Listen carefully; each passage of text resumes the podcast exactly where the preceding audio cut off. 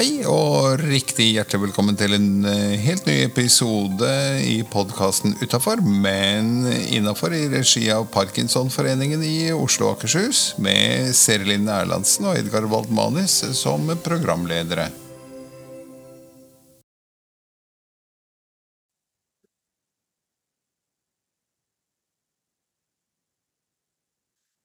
Jeg heter Seri Lind, og ved min eh, høyre side, for deg som ikke visste hvordan det satt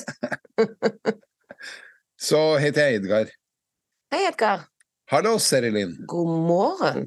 God morgen. Er det en god eller dårlig dag? Det er en eh, fabelaktig dag så langt. Vi er jo på plass i studio igjen og lager ny episode av podkasten vår. Mm. Og det er eh, vel nærmest ukens høydepunkt. Ja. Og så må vi jo bare si det at jeg rakk jo ikke intervjuet med selve gjesten, så jeg skal jo få oppdatering av deg i dag. Det skal du få. Av hva dere snakket med, hva du lærte, sånn at du kan lære meg noe. Eh, Det er helt korrekt. Og det skal vi. ikke minst lytteren. Ikke sant? Vi er jo det mennesket at dere skal bli like kloke, eller klokere enn oss, er de jo. Ja. Men uh, at de skjønner at vi òg kan ting. Ja. Det er akkurat det. Men har du gjort noe spennende i det siste? Ja, det var jo at jeg eh, eh, intervjuet eh, gjesten vår, Michael Okun, eh, om det ene og det andre. Han er en av fire forfattere av boken 'Ending Parkinson's Disease', som jo er innom noen ganger i, i løpet av høsten. Det er fire Tre leger og en en eh, nerveforsker, heter vel nevro... Hva heter det? Neuroscientist er tittelen hans på engelsk, i hvert fall. Ja. Det er Todd Scherer, eh, som vi skal innom eh, om en måneds tid. Men altså disse fire som skrev en bok som kom ut i 2020, som het 'Ending Parkinson's Disease'. ja, men da gleder jeg meg til at vi får høre intervjuet, Ja, og at du kan gi meg en oppsummering av det etterpå. Og det gjør vi jo òg litt fordi at hvis noen av dere som lytter på, syns det er vanskelig å følge med på engelsken, så kan du eh, uansett få vår oppdatering, så du forstår det meste. ja. Og i den forbindelse så passer det jo bra siden vi har engelsk gjest, for vet du hva dag det er i dag? Eh, Det er eh, noen dager før torsdag når vi publiserer intervjuet. I dag er det 26. september. Men i dag er det den europeiske språkdagen. Ja, da passer det dobbelt så bra at vi har eh, en eh, engelsktalende gjest. Så i dag er dagen for å feire språkene i Europa. Og det ble da oppretta en liten quiz. Kan du tenke deg hva år? Er det gammelt, er det nytt? Hva tror du? Jeg, jeg tenker at vi er tilbake rundt uh, årtusenskiftet, jeg. Pluss minus Ja, Det er du helt rett i, for det var faktisk 2001. Så mer spot on kan du ikke komme. Nei. Den var jeg heldig med. Så i dag eh, har dere alle lov til, for det, vi sier jo at det varer hele uken siden det publiseres på torsdag. Ja. Så i dag er det lov å spise kransekake. Vi har jo en dag å feire. ja. Nemlig. Ja. Men eh, da skal vi bare kjøre intervju, da. Da gjør vi det, og så kommer vi tilbake igjen med en eh, veldig konsentrert eh, oppsummering rett i bakkant. Det gjør vi. So we wish everyone welcome to uh, a new special edition of the Norwegian Parkinson podcast called Utafor, Men Innafor, um, which does not translate easily into English, but um, anyhow, it is a countrywide podcast here focusing on the lighter side of Parkinson's. We have the diagnosis, uh, we have to live with it. We might as well. um live with it and um, uh, simply try to learn more and more about how to live uh, as uh, good as possible. Special guest today is Dr. Michael Okun from the Florida University. Good morning, Michael. Good morning. It's a pleasure to be here and to speak to Norway this morning. Good, good. Um, very quickly, could you do 60 seconds about yourself and why you are so interested in Parkinson's uh, disease? Sure. Well, I'm a neurologist by training, and I also have a degree in history. And so I'm, you know, fascinated and wanted to be a history professor as I was growing up and a history teacher. And so I love to teach. And I also have um, really embraced science over the years and doing a lot of experiments. And one of the ways that I measure my life is the impact on people. And so, how many people can we impact? And this disease, Parkinson disease, has become the fastest growing neurological disorder. I've absolutely always been fascinated by movement and movement disorders my entire life, even watching people with tremors and stiffness and walking disorders. And so, as a teacher, as a scientist, as a human, uh, I'm really passionate about doing something about this particular disease. And so it's an honor to have been into my third decade studying Parkinson and trying to help and advocate. And and so that's a little bit about me and a little bit about about uh, my passion for Parkinson. Yes, because uh, uh, I was wondering, you could be a doctor in anything. I mean, you could do uh, um, appendixes or broken legs or uh, like I have myself a hip uh, replacement, which is the doctor walks in and the, he's working maybe 40 minutes on the patient, and the patient walks out uh, or is rolled out with a new hip, and the day after he walks, and everything is fine, and and uh, he's sent home and is double fine. Instead, you chose um, a sickness for which there is no cure whatsoever. Yeah. Well, I think that um, well, one, it's a it's a challenge, right? Two, you know, we are all mortal, Edgar. So we're yeah. all walk the earth, we all walk the planet, and we're all going to get medical illnesses. And part of the secret here is not lifespan. It's not how long you live, Edgar. It's health span. It's how well you live. And so you know, part of this is an Eastern medicine philosophy of understanding how we can impact folks so that they can not only live longer but live better. And so diseases like Parkinson, you know, can be quite livable, and uh, and we need to help people to be able to live with these diseases, embrace them, and to make sure they can find happiness and uh, and all those secrets to having a great life. Right.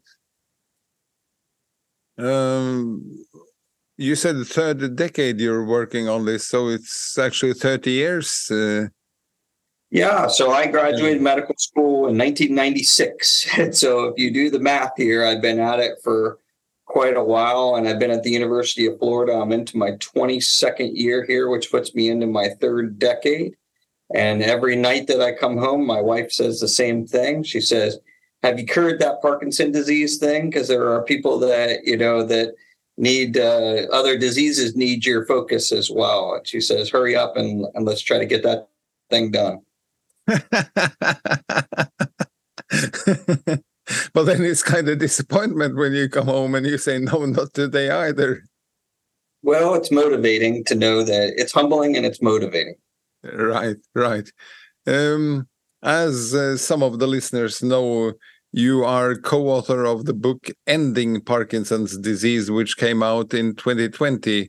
You are one of four um, authors.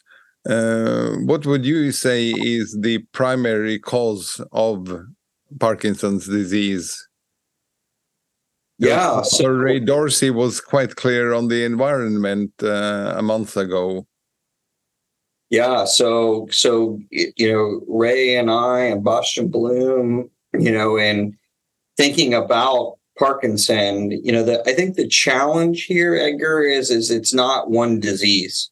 So your listeners should know that Parkinson disease is caused by many different genes and many different causes, and uh, and a lot of times we lump them together because we don't know how else to deal with them. And so I don't think, in a in a sense, I don't think that Ray Dorsey is wrong by you know putting his chips down on the environment. And the reason he does that is because you know less than 20% of folks have a single gene that causes Parkinson disease and so there must be something else. However, I don't think we have enough evidence yet to put our you know our uh, our chip down on any one individual cause. I think also that um, that there's something about each of us that's unique. Our DNA signatures make us unique, and then as we operate within an environment, you know, we then you know may end up with higher risks of diseases, and and there may be things in the environment that we don't know about that are are setting that off. So there's gene environment interactions, and I think that that is um, is something that you know we really need to to better understand. And so I would probably put my chips more on the gene environment interactions. And for people that don't have monogenetic, meaning one DNA cause of Parkinson disease, there has to be something that's going on. And I do find it very interesting the industrial revolution and the changes and the and how we're sailing up and those numbers are going way up for Parkinson and you know how the environment might be driving that. So so I, I, think it's you know I don't I think it's a it's a pretty decent bet, but I, I wouldn't put my chips down yet on anything yet, Edgar. Okay. Um, so this uh, all right, we'll leave Ray with the uh, pollution, air, ground, and water, and uh, you are more in the camp of gene and environment interaction there. Yeah, I think that's probably right. Right. Um, in Norway, we experience. I'm hopping a bit to and fro here. Um, in Norway, we experience that lots of people with Parkinson's hide their diagnosis from family, friends, colleagues, etc. Um, is that the same in the U.S.? Or is that yeah, you know, this phenomenon of um, of you get Parkinson disease and you don't want people to know that you have Parkinson disease. It, it is actually a multifaceted issue. And so the, there is a challenge for some folks that are in the workforce, right? They don't want the people in the workforce to know that they have Parkinson disease because they don't want it to affect their benefits and their ability to work. And, and so there's some understanding there some people don't want their family members to know because they don't want their family members or even their friends to treat them differently you know once they come out with the diagnosis. And um, and then there's some embarrassment and some hesitation that folks have their own personal reasons for for not letting go of that information. Now having said that now being into my third decade as a, a parkinson doc i will tell you that the burden in general the overwhelming burden on the thousands of people that we've seen at University of Florida from all over the world, the burden that is on you when you have a diagnosis like this and you keep it secret from your wife or keep it secret from your friends or from your your boss it is one that is very hard to to uh, to um, to carry forward. And so what we have really learned over the years is to help people to understand their issues and of course to help them to make shared decision making whether or not they disclose the diagnosis how to how to keep them safe. But once people let go it actually ends up being really great for their life.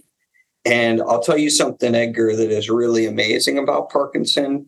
Many of the folks who i have seen and treated say that they uh, their life is better after the diagnosis of Parkinson. It was like a wake up call for them to be able to to change their life, to do things differently, to create meaning in their life, to create substance in their life. And so it was like that moment where you know, like if you were a smoker and you had a heart attack and then you stopped smoking and you got healthy and you started to exercise the same phenomenon can actually occur, and we've seen it occur many times in Parkinson. But there's a tremendous burden that folks have, and it's up to us not to tell them that they should disclose, but to help them to understand what the journeys have been of other people and to understand the tremendous burden that they carry by uh, by by hiding their Parkinson disease.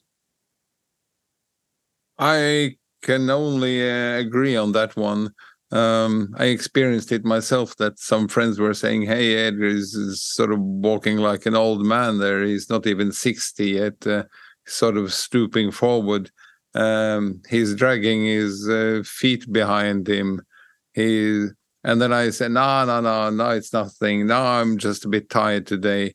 Uh, no, forget about it. No, it's uh, Parkinson. No way, no way, Parkinson's.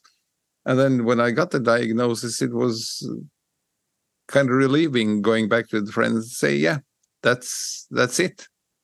And it's gonna be like that forever because it's a chronic disease, uh, which means I'm not getting better. So now we we have to live with it.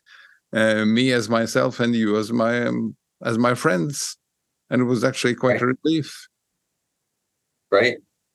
And, uh, you know, we have, you know, in general, heard that story play out over and over and over. You know, the same, you know, situation that you describe. And, um, and so we have to learn from that. It doesn't mean it's a one size fits all. You know, it doesn't mean, hey, we all need to tell everybody, hey, it's time to, to do this. But it's something to really, you know, consider and you know it's something that we can share with people you know for it's you know it should all be about shared decision making right? And we can share our experiences with each other and let people know you know like what what how, what others have experienced and you know and also connect people you know you know form that network where we connect people so they can have those conversations and they can they can hear from people. And i think one of the the the greatest you know um, single resources we have are are people. And so when you connect somebody that has a major job or is a ceo you know or is working and they tell you what their experience was it can really have a profound impact because you're keeping it all inside. And so one of the other things we can do is we can connect people to to tell stories and become better storytellers. And i think as people hear other stories and they say well i you know i can really identify with that. Whereas you know, I'm not a CEO, Edgar. I'm not a business person. I don't work in a grocery store. I don't know what it's like. And so, so, you know, connecting that neural network, you know, in the brain is what we talk about as scientists, but connecting the network of people, I think is just as important for decision making. Yeah. Yeah. If uh, if you were diagnosed with Parkinson's disease uh, yourself, how would that change uh, your way of living? So uh, I think it would change, you know, quite a bit, and you know, and, I think it's a, an opportunity to to tap on the on the um, on the brake, you know, not slam on the brakes, but to tap on the brake and to take inventory of my life, and you know, and you know what what is the meaning of life? You know, what is the meaning of life for me? What can I do to be healthy? How can I create a more balanced lifestyle. I have to then also having been, you know, somebody that's given a lot of advice, you know, about a disease that I don't have. I have to be careful about that, right? And now I now I have to, you know, play the the humble card of saying, okay, now it's um it's you know like what is it uh, about this you know this disease for me and and how how am i going to changed my life. And I, I often say to people over and over, Edgar, that you know, if you want to have a good life with Parkinson, that you have to live a life of Zen, to be very Zenful, very Eastern medicine Zenful. What do I mean by that? Well, stress and anxiety, you know, and sleep deprivation, all of these things you know, make Parkinson's symptoms worse. And I've spent my career studying the basal ganglia, and I know that. And so, one of the best things that you can do, and I would definitely do it if I had a diagnosis of Parkinson, would be to look at those zenful things, get rid of people, you know, in my life that are causing stress, you know, like drop the people that are causing stress.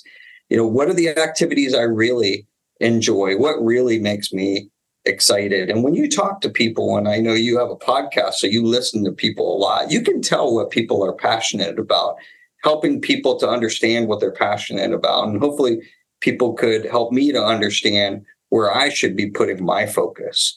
And by uh, by doing that, I think that um, that that you can make you know tremendous tremendous changes that can really impact your life, but also the lives of the people around you. And and you forget that your experience in the world is other people's too. It's a shared experience of the people around you. So I would get more zenful, more reflective, more philosophical, and um, and you know, and, and really try to make sure I'm living my best life, but also realize that the symptoms can really be driven, okay, by um, by stress, anxiety, and sleep deprivation. And I would really focus on those things and making sure I I'm living the best life that I could live. That sounds um, like a big bag of very good advice, I would say, really. Um, on the on the lighter side, do you have a quote or a motto that you live by? Like a, a, a quote that I live by? Well, I I always say it could be a quote that, of your uh, own. It doesn't have to yeah. be like uh, Henry Ford or something.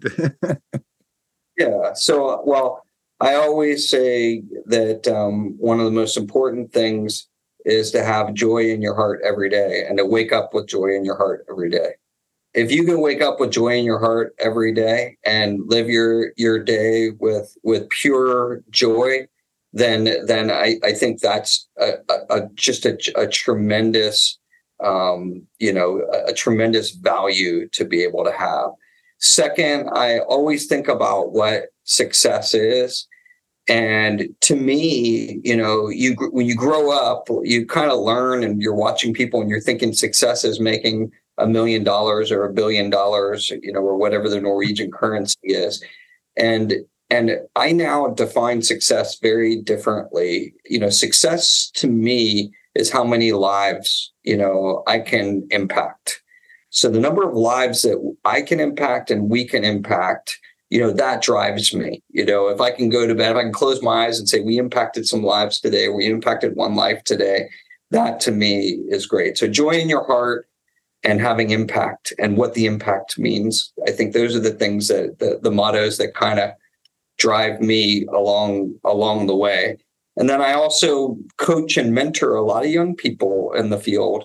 And when I coach and I mentor, I will often um, ask people what's your passion and tell people that life is simple. Okay. Understand what your passion is.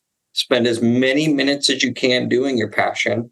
And if people will actually pay for you to do your passion, or you can you can get paid to do it, or you can channel your time, you know, so you can spend most of your time doing your passion, then you're going to have a great life. You're going to have a lot of joy in your heart. And it's just that simple if you try to do things that you think are the things to do or that your father did or that your mother did or that you think society wants you to do you're going to you have less impact and less joy in your heart align your time with your passion so those are kind of the things that i live by that sounds excellent again um again jumping to a different topic here in the Norwegian version of our uh, podcast, we always have a segment where we train our brains with a uh, five question quiz.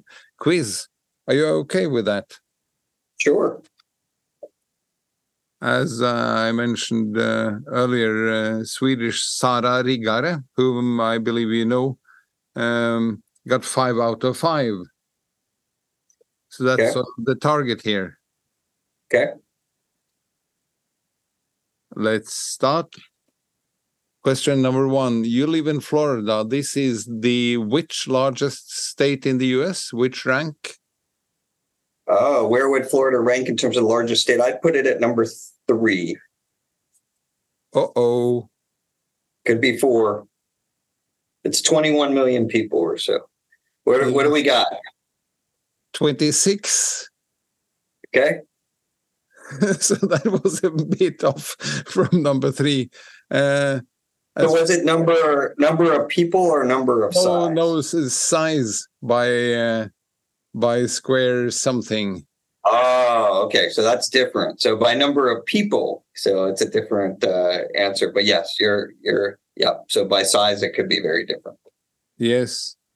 Uh, of total American states, all 50, the second largest and second smallest. Wow. Okay.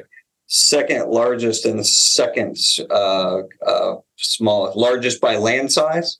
Yeah, we're talking land size again.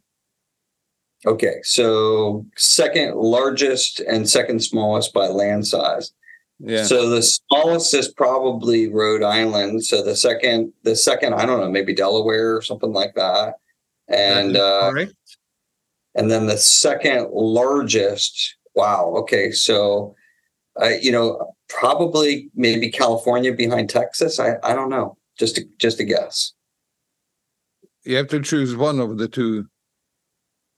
Either Between California and California or Texas. I, I think I think Texas is a little larger by landmass than California, but I could be wrong.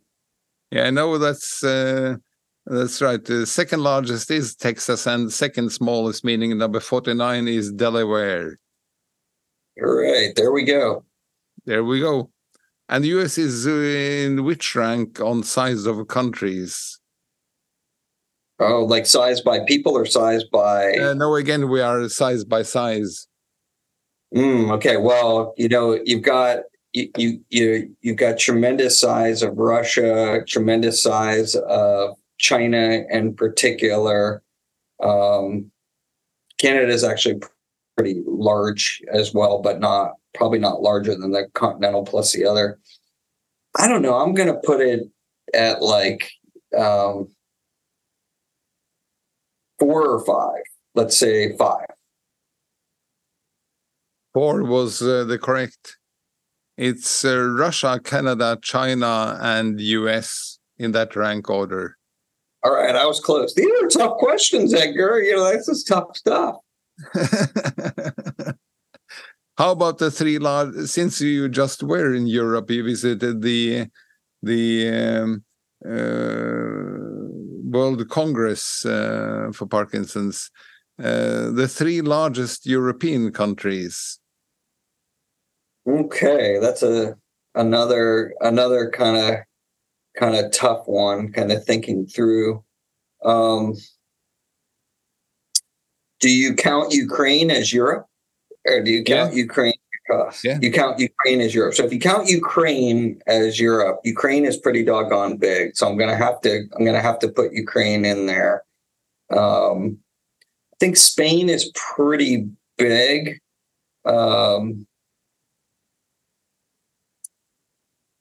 Europe includes, you know, Britain as well. So if you it depends on if you do you call Britain all the UK, do you call Britain, Scotland, and Ireland together, or just separately? Uh, apparently, not enough to be included in the top three list. So so I don't know. I mean, gosh, th- these are tough ones. So um, and then of course you got Italy uh, as well. So um, I don't know. I'm gonna I'll kind of go Ukraine, Italy, Spain. I don't know. According to my records, the three largest are Russia, Ukraine, and France. Yeah, I wouldn't put Russia in Europe, but um, but um, but that would be a different debate. Yeah, that would be yes. Uh, I can agree with you on that. But the uh, you had Ukraine up. That was uh, impressive, and uh, and it wasn't Spain, but France comes on on the top three list. Mhm. How about Yeah. the, the smallest? Oh boy, the smallest uh, European. Hmm. Okay, so that's a tough one. Let me uh, let me think here. So.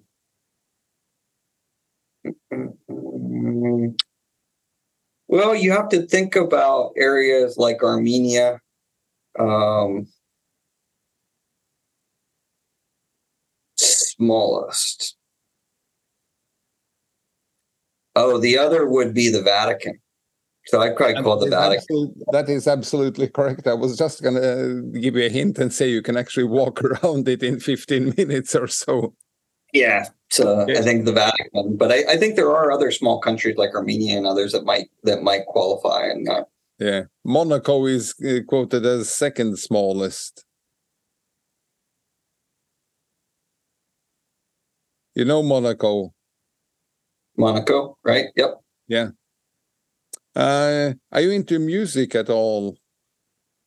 Uh, a little bit. My wife is the is the professional musician in the family. She's a violinist, but uh, but so I I try to stay out of music because she's the expert in the family. All right. So maybe you should uh, give her a call. Then you know this uh, call a friend line. Um, numerous artists have played the title song in James Bond movies, which is the only artist from the Nordics to have uh, achieved such an honor. Oh my gosh uh, artists from the Nordic that that perform James Bond. This would be, you know, this is the humble part, uh, you know, Edgar. So I think I'm going to have to just completely pass on this one, pass it back to you, and say I'm completely humbled by this. Uh, it's a band called a-ha. Oh, a-ha! I love a-ha. Now, a-ha would be. Uh, are they Icelandic? They are Norwegian. Swedish they're Swedish or okay. Norwegian. Gotcha. Yeah, great band. Yeah. And the title song that year was uh, Living Daylights. Awesome. So good. You went quite up with Sara Rigar, but I think we'll put the the quiz. Um, that's a tough one. I, that's a tough one. I'm I'm happy to have even registered a point on that one, man. That that's really tough, Edgar. Yeah, well, we do this, as I say, on a weekly basis in the Norwegian podcast because we say one thing is you need to train physically, uh, as in rock steady boxing or table tennis or or um, numerous other sports, but you also need to train the brain itself in uh, in uh, connecting the dots uh, and you did great on on the part of connecting the dots because some people just jump in and say oh that would be and we say well was there any reason behind your answer? And they say no it was just a wild guess. And we say well you should actually try and like you did mm, russia is up there is ukraine in is mm-hmm. and that way you train your brain as well. Awesome well, I'm glad to I'm glad to be trained by you, Edgar. You're the I, I will call you sensei now. Thank you.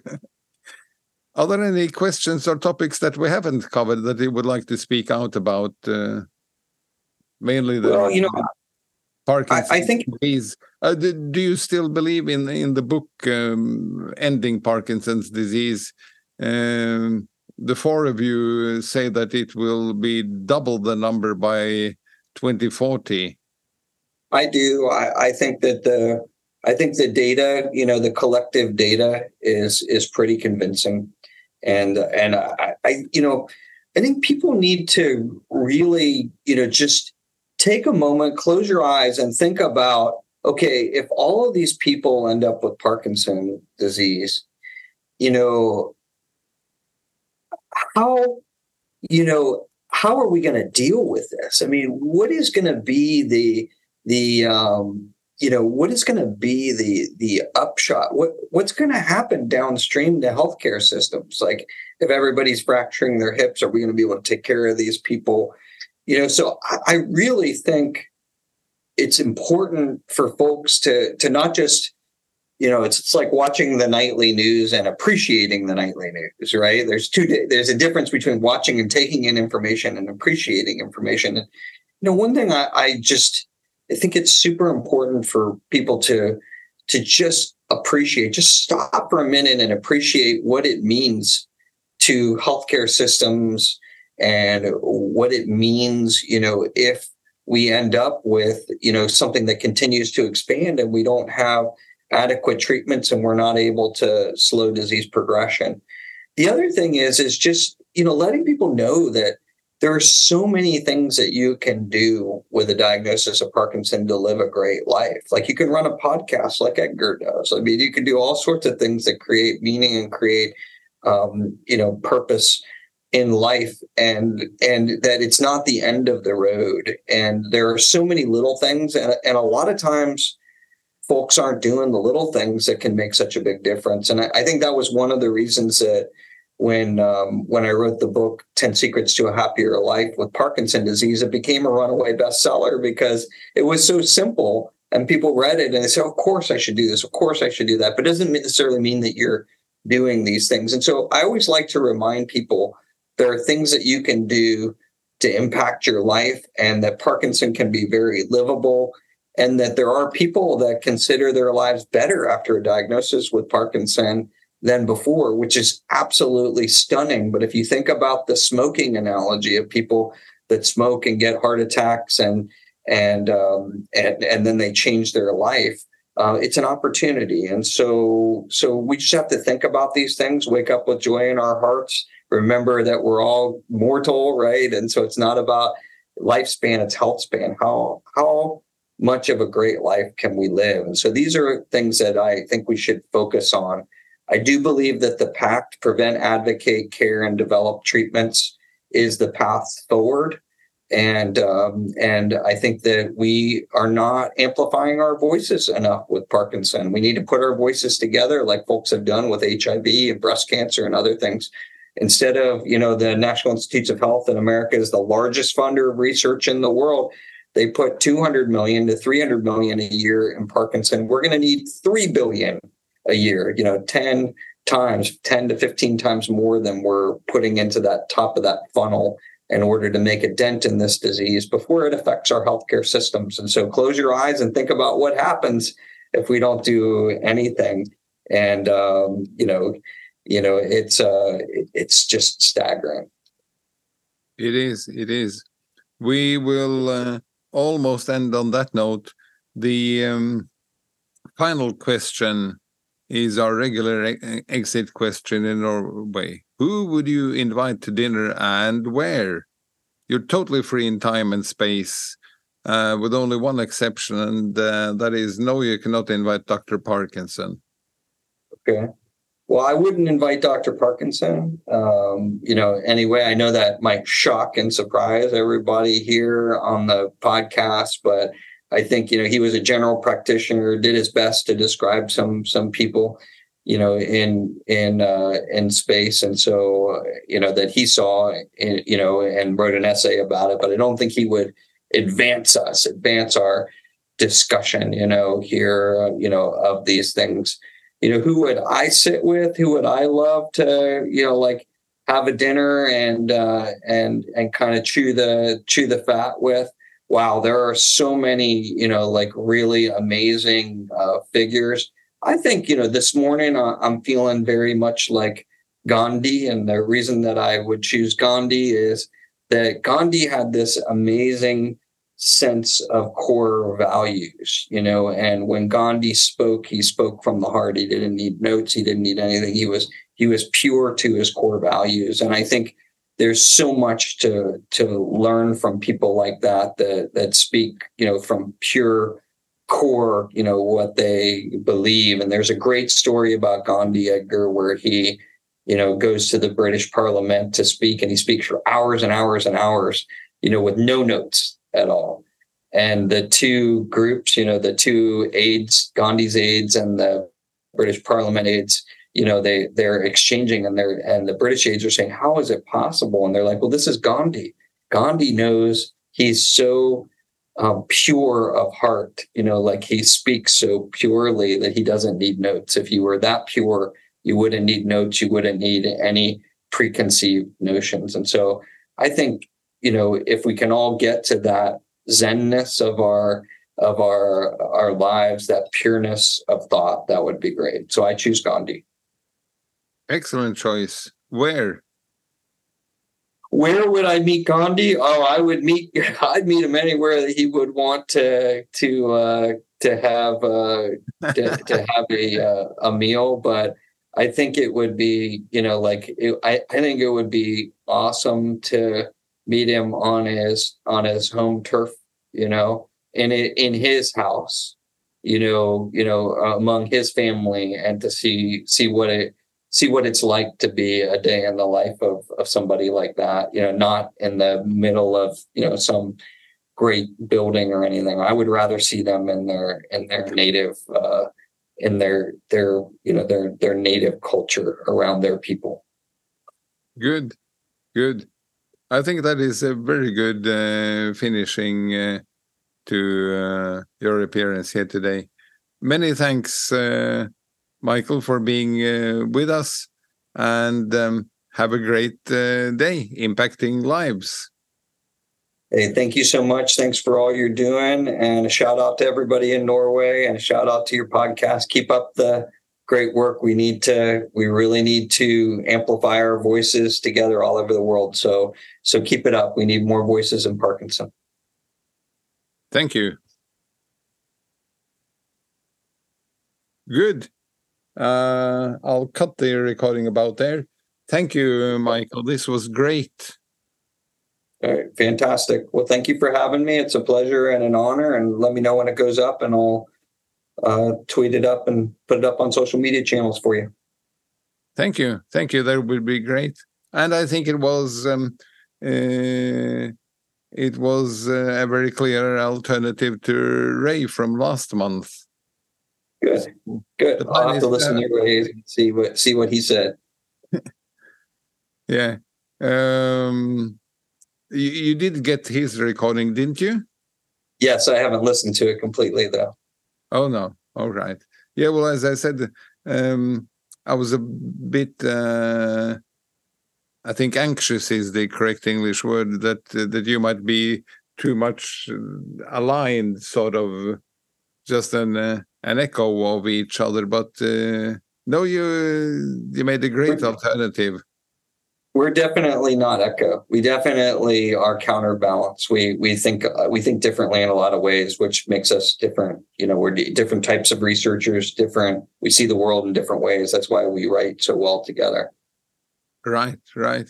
Yeah well and, and that makes for completeness. If it was sort of uh, four chapters of the the same thing it wouldn't be it wouldn't be a book. It would be a pamphlet sort of. So uh, absolutely. Absolutely well, you have a wonderful day, Edgar. Keep doing what you're doing, and uh, let me know if there's anything I can do to help you in the future. Okay. Thank you. Der var vi i boks med Michael Okun fra University of Florida. Uh, og da skal vi ta en liten oppsummering uh, for både deg og uh, alle Nei. som lytter. Det første vi kan si, jeg pleier å spørre gjestene våre hvorfor, altså spesielt når det er leger, hvorfor de har engasjert seg i parkinson. Uh, som jeg sier, det måtte være hyggeligere å være lege på jobbe med blindtarm eller uh, hofter. Uh, altså, jeg fikk jo ny hofte her for noen år siden, og da tror jeg legen var inne i rommet i 40 minutter og jobbet, og så kunne han gå ut og huke av at nå har han gitt en ny hofte så at Edgar kan gå mye bedre etterpå enn før. Det, men da blir jeg litt sånn uenig med deg med en gang. Nå er det jo han som stakkars skal få forsvare seg, men, men Nei, tenk, tenk, en rutine. Tenk å drive og hogge i hofter hver dag. Det er mye mer spennende å møte unike mennesker der ingen er like. Og det er det eh, Michael Okun faktisk svarte, ja. At han har alltid vært opptatt av bevegelsesproblematikk, eller det som på engelsk da kalles movement disorders, og syns at det er mye mer spennende enn å hogge hofter eller fjerne blindtarm eller hva. Det gjør de på rutine de etter et år. Ja. Det blir som å sykle. Tenk å sykle hver dag i åtte timer på jobben. ja, det, han Warholm hopper jo hekk annenhver dag på jobben. Ja, ja, ja, men uh, han, får, han, får, applaus. ja. Det er Viktor Hovland òg. Ja. Han får dessuten 170 mill. eller noe i ukelønn, ja. så Litt forskjell. Litt forskjell. Ja.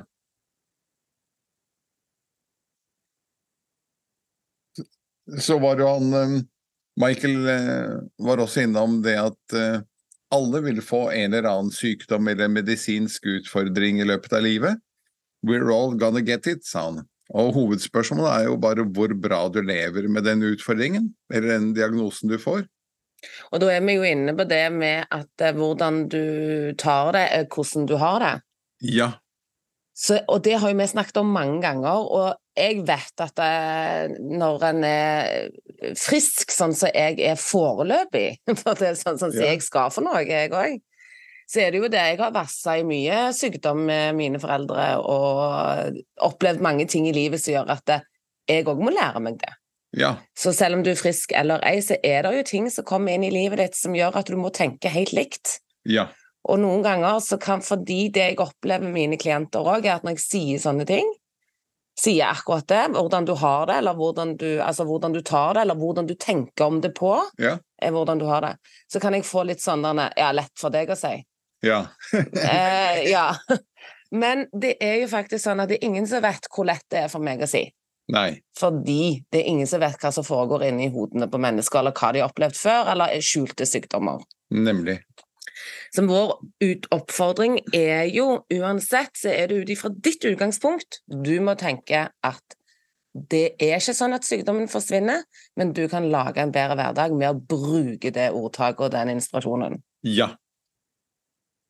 Og så var han jo også innom det som eh, vi hadde da vi kjørte kinovisning av den siste filmen med Karianna og Petter Vennerød, hvor eh, Geir Olve, han ene forskeren fra Haukeland i Bergen, sa at det er jo faktisk ikke én sykdom, det er 100. Ja.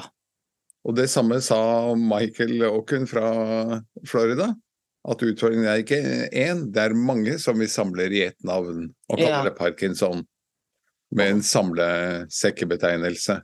Og dere blir jo kanskje de som får være med å utforme parkinson på en helt ny måte, fordi at det er mer fokus og forskning, Ja. og det er mange engasjerte, sånn som Ja. deg, Edgar, og mange der andre ute som jeg vet at veldig mange av våre lyttere gjør og er.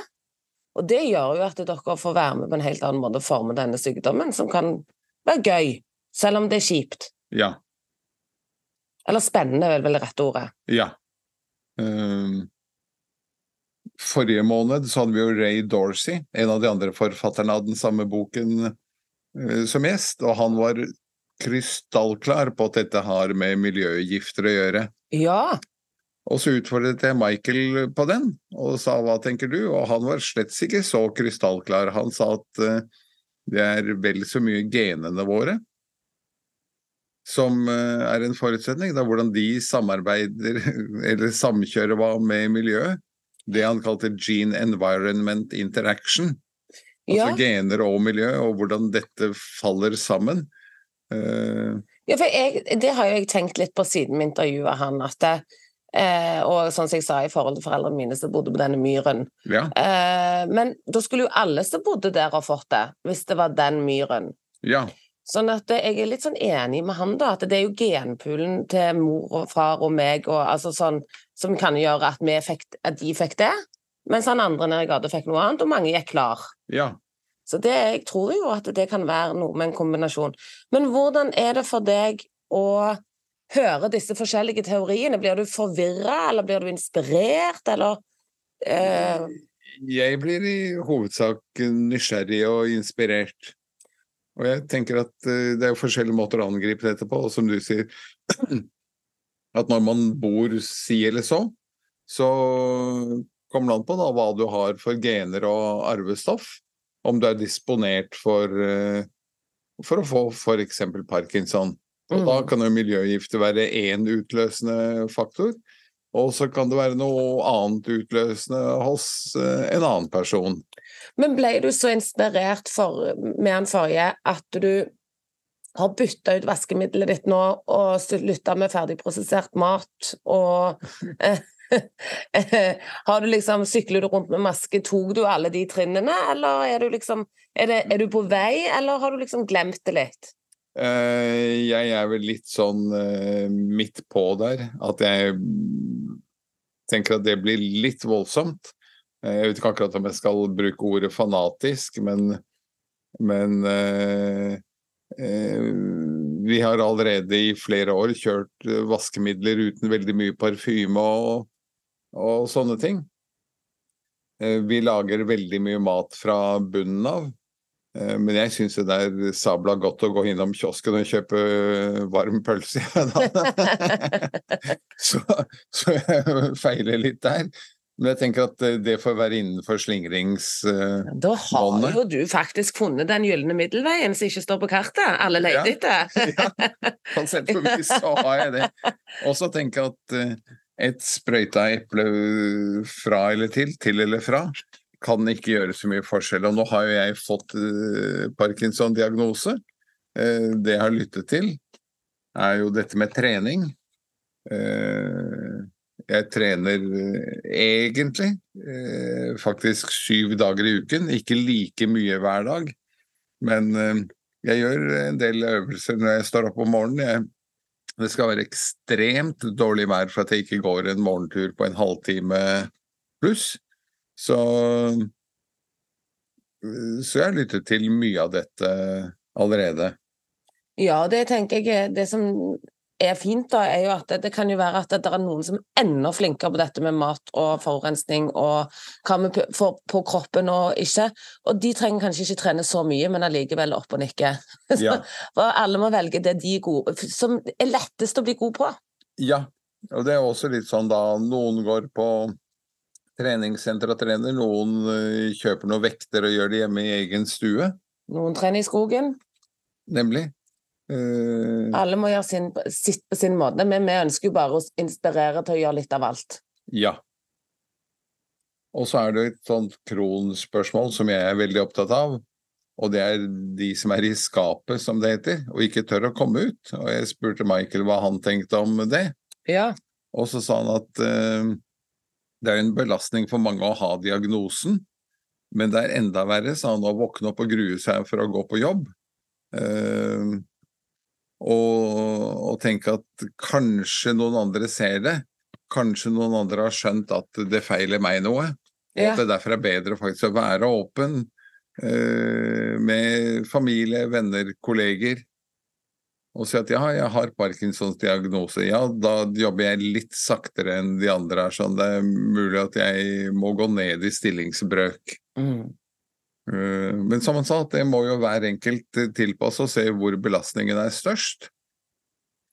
Eh, Og så fikk jo vi en direkte utfordring. For han sa at de som er så tett på som du og jeg er, og snakker om dette til stadighet, vår oppgave er jo å åpne opp de lukkede, være bindeleddet så de som gjemmer seg i skapet ser at det går an å være åpen, og leve helt fint med det.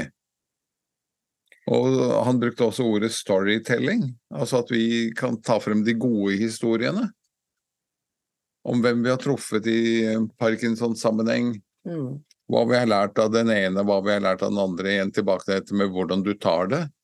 Mm. Det er ikke sagt at du og jeg har fasitsvaret, men, men vi treffer noen som har gjort A, og noen andre som har gjort B, og så kan vi fortelle om det, knytte folk sammen på kryss og tvers.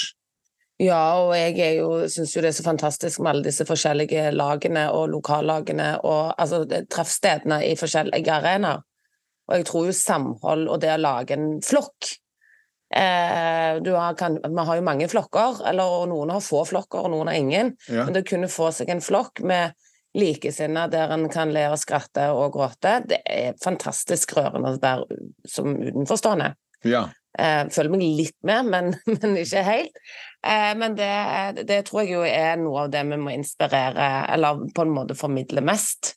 Og så sammenligner jo jeg veldig mye dette med sånn å skjule sykdom, andre sykdommer òg, med klienter jeg har som er stammere, som da vil prøve å skjule at de stammer, og sier ikke til noen at de er stammere. Og så klarer de jo ikke å skjule det helt. Nei. Og da blir de stressa, og så ender det jo opp med at når de prøver å skjule, så stammer de mer. Men idet de sier 'du, hei, jeg heter Frank, og jeg stammer litt', så stammer de mindre og har mindre stress og mindre styr og blir mer sosiale. I det de bare Når de begynner å våge å være åpne. Og jeg har jo visst eksempel at Frank har stamma i mange år, selv om han aldri har sagt det til meg. For det har jeg hørt. Ja. Men det gjør ingenting. Nei. Men for han har jo det vært verre. Nemlig. Men for meg har- spiller jo det ingen rolle. Så det er så viktig at det, det å skjule ting forverrer ofte det vanskelige. Ja.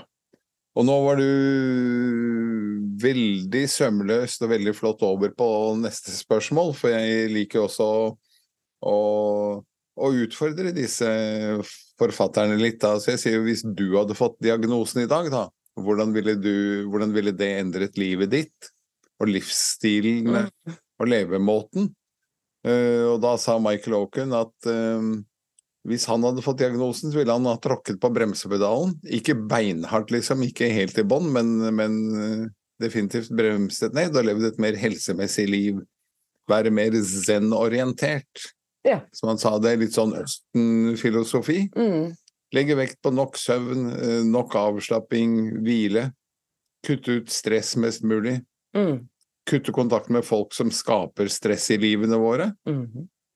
For det er jo mange som har en eller annen stressfaktor. Det kan være en kollega, det kan være naboen, det kan være noen i familien. Og han sa at uh, de vil han kutte rett ut av, av, flokken.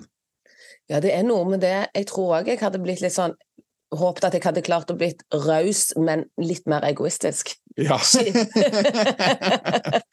Skilt meg fra dårlig samvittighet skulle jeg i hvert fall ha gjort. ja.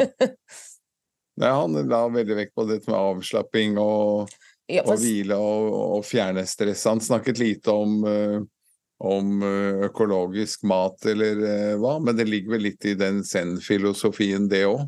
Jeg vet ikke om det ligger i zen-filosofien, men å spise rent er vel kanskje Altså ja. spise mer, mer Lage mat fra bunnen, men det kan du jo gjøre med sprøytemidler òg. Ja.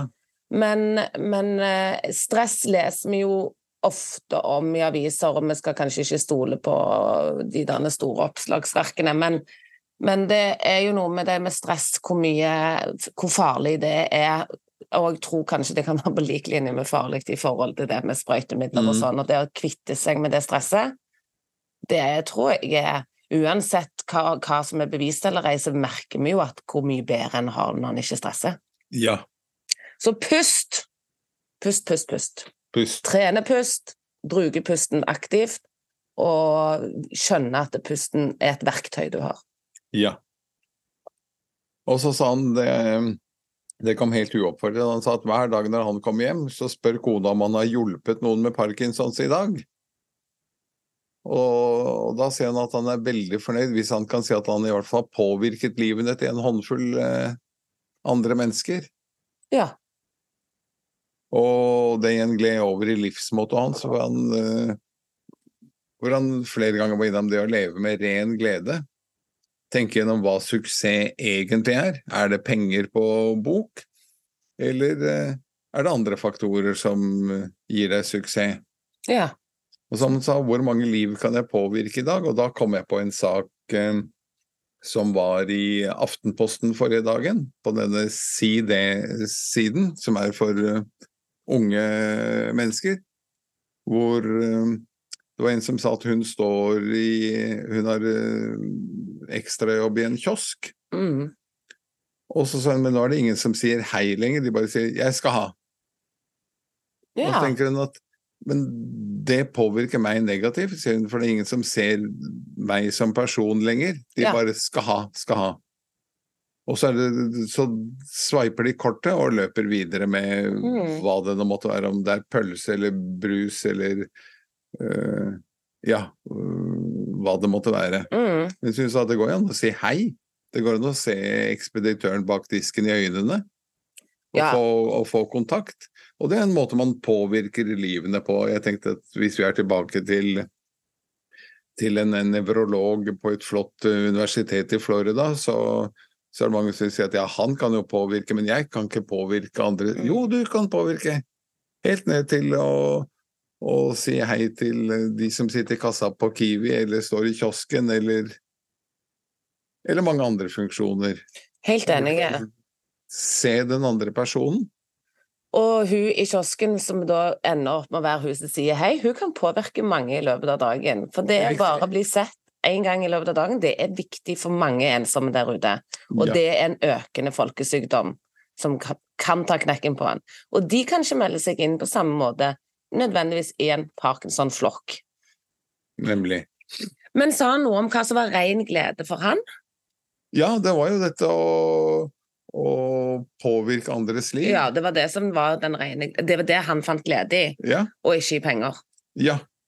Eller suksesser på den måten. Ja. Det, men det, det tror jeg blir så viktig hvis vi klarer å tenke over hva er det som egentlig er ren glede for oss, hva er det vi ønsker å oppnå. Og det trenger ikke være hvor mange du vil påvirke, det kan være noe helt annet. ja. Eh, Det kan være hvor mye plastikk jeg kan plukke fra gaten hver dag for å påvirke miljøet. Det kan det være. Det kan være hvor mye jeg klarer å få til for meg sjøl i dag. Ja. Men, eh, så du må tenke igjennom hva er det du som lytter der ute, hva er ren glede for deg? Og der gled du veldig flott inn i, inn i mot uh, slutten. For um, han sa at han er også mentor for en del yngre mennesker. Og han etterlyser alltid uh, passion. Det er et sånt ord som jeg ikke klarer å oversette et- ordentlig til norsk. Uh, Person. Nei, ja. Eh, hvor spørsmålet er er jobben din bare en jobb, eller har du passion for det du gjør? mm. Det er vel det vi kaller å brenne for en sak. Ja, det er vel det vi kaller det. Men eh, passion kan brukes på mange måter, men akkurat i denne sammenheng ville jeg sagt at det er bra oversatt, Edgar. Oi, takk, takk, takk. Ja, han var veldig opptatt av, eh, av det. Eh, og da kan vi jo eh, tenke en ukes tid tilbake, da vi hadde eh, Mona Rognlien Elgvin eh, som ukens gjest. Mm. Hun er jo personlig assistent til Petter Stordalen, og han er jo en som definitivt uh, har passion. Ja. Absolutt. og viser det veldig tydelig at uh, for ham er det ikke bare å, å gå på jobb, men det er å, å brenne for saken og Ja. skape flotte hotellopplevelser eh, for deg og meg Mm. de gangene vi bor på hotell. Yes. Så, så det var eh, Michael Aakun eh, veldig opptatt av når han eh, mentorerer, heter det det, yngre mennesker. Ja. Når han er rådgiver og, og sånn for dem, så stiller han stadig spørsmålet er jobben din bare jobb, eller har du passion for det du gjør? Mm. Og som en avslutning så vekla han igjen det å leve et best mulig liv. Som han sa Han hadde en Det blir mye engelsk da, som er vanskelig å oversette direkte, men han snakket om lifespan kontra health span. Altså at det er ikke sikkert at lykken er å leve til man er 90-95-100. Det er Nei. viktigere å ha, eh, eh, ha det helsemessig bra den tiden man lever. Helt enige. Jeg vil ikke overleve med så mange heller, jeg. Jeg er jo, livredd for å være alene, holdt jeg på å si. Det er mye bedre at jeg går først. Ja, ikke sant? For da har du jo dessuten kapellet fullt av folk som griner fordi du har vært borte. Tenk så trist hvis ikke. Ja, Ja. Det er òg en, en tanke. Ikke først på den måten, men først av de gamle. ja.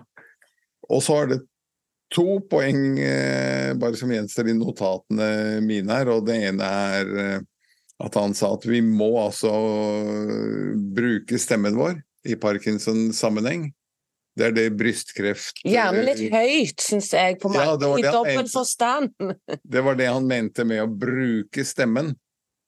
Var å rope ut fra hustakene om parkinson at nå er det viktig å forske enda mer på det, fordi det er den raskest voksende nevrologiske sykdommen i verden. Det er veldig rart. ja. Eh, men det er det, så be loud, sa han igjen. Be loud. Eh, det gjorde man med aids, og fikk eh, utviklet medisiner som gjør at du i dag kan leve helt fint. Mm. Eh, Brystkreftbevegelse, hva vi skal kalle det, har jo jobbet mye med dette med rosa sløyfe og, og få fantastisk oppmerksomhet om det. Altså at nå må Parkinson også på banen og, og bruke stemmen. Og så var det kanskje litt nedtonet, da, for det er jo kronspørsmålet vårt om hvem du vil invitere til middag, og hvor. Og etter litt drodling så kom han frem til at han ville invitert Gandhi, Ja, det skjønner jeg jo når han var inne på scenen sin der. nemlig. Og dele et godt måltid der Gandhi kom fra i India. Ja. Helt nedpå. Ikke noe invitere ham til noe Michelin-restaurant verken her eller der. Hjem der hvor Gandhi kom fra, og delet et måltid mat der, Mm. Ja, det tror var jeg. avslutningen. Men det, det som er fint med alle disse invitasjonene, er jo at meg og deg alltid får være flue på veggen. Ja, ikke sant? Det, det ligger jo til grunne. Ja, men det er bra. Men da gjenstår det bare for oss med ukens fremsnakk.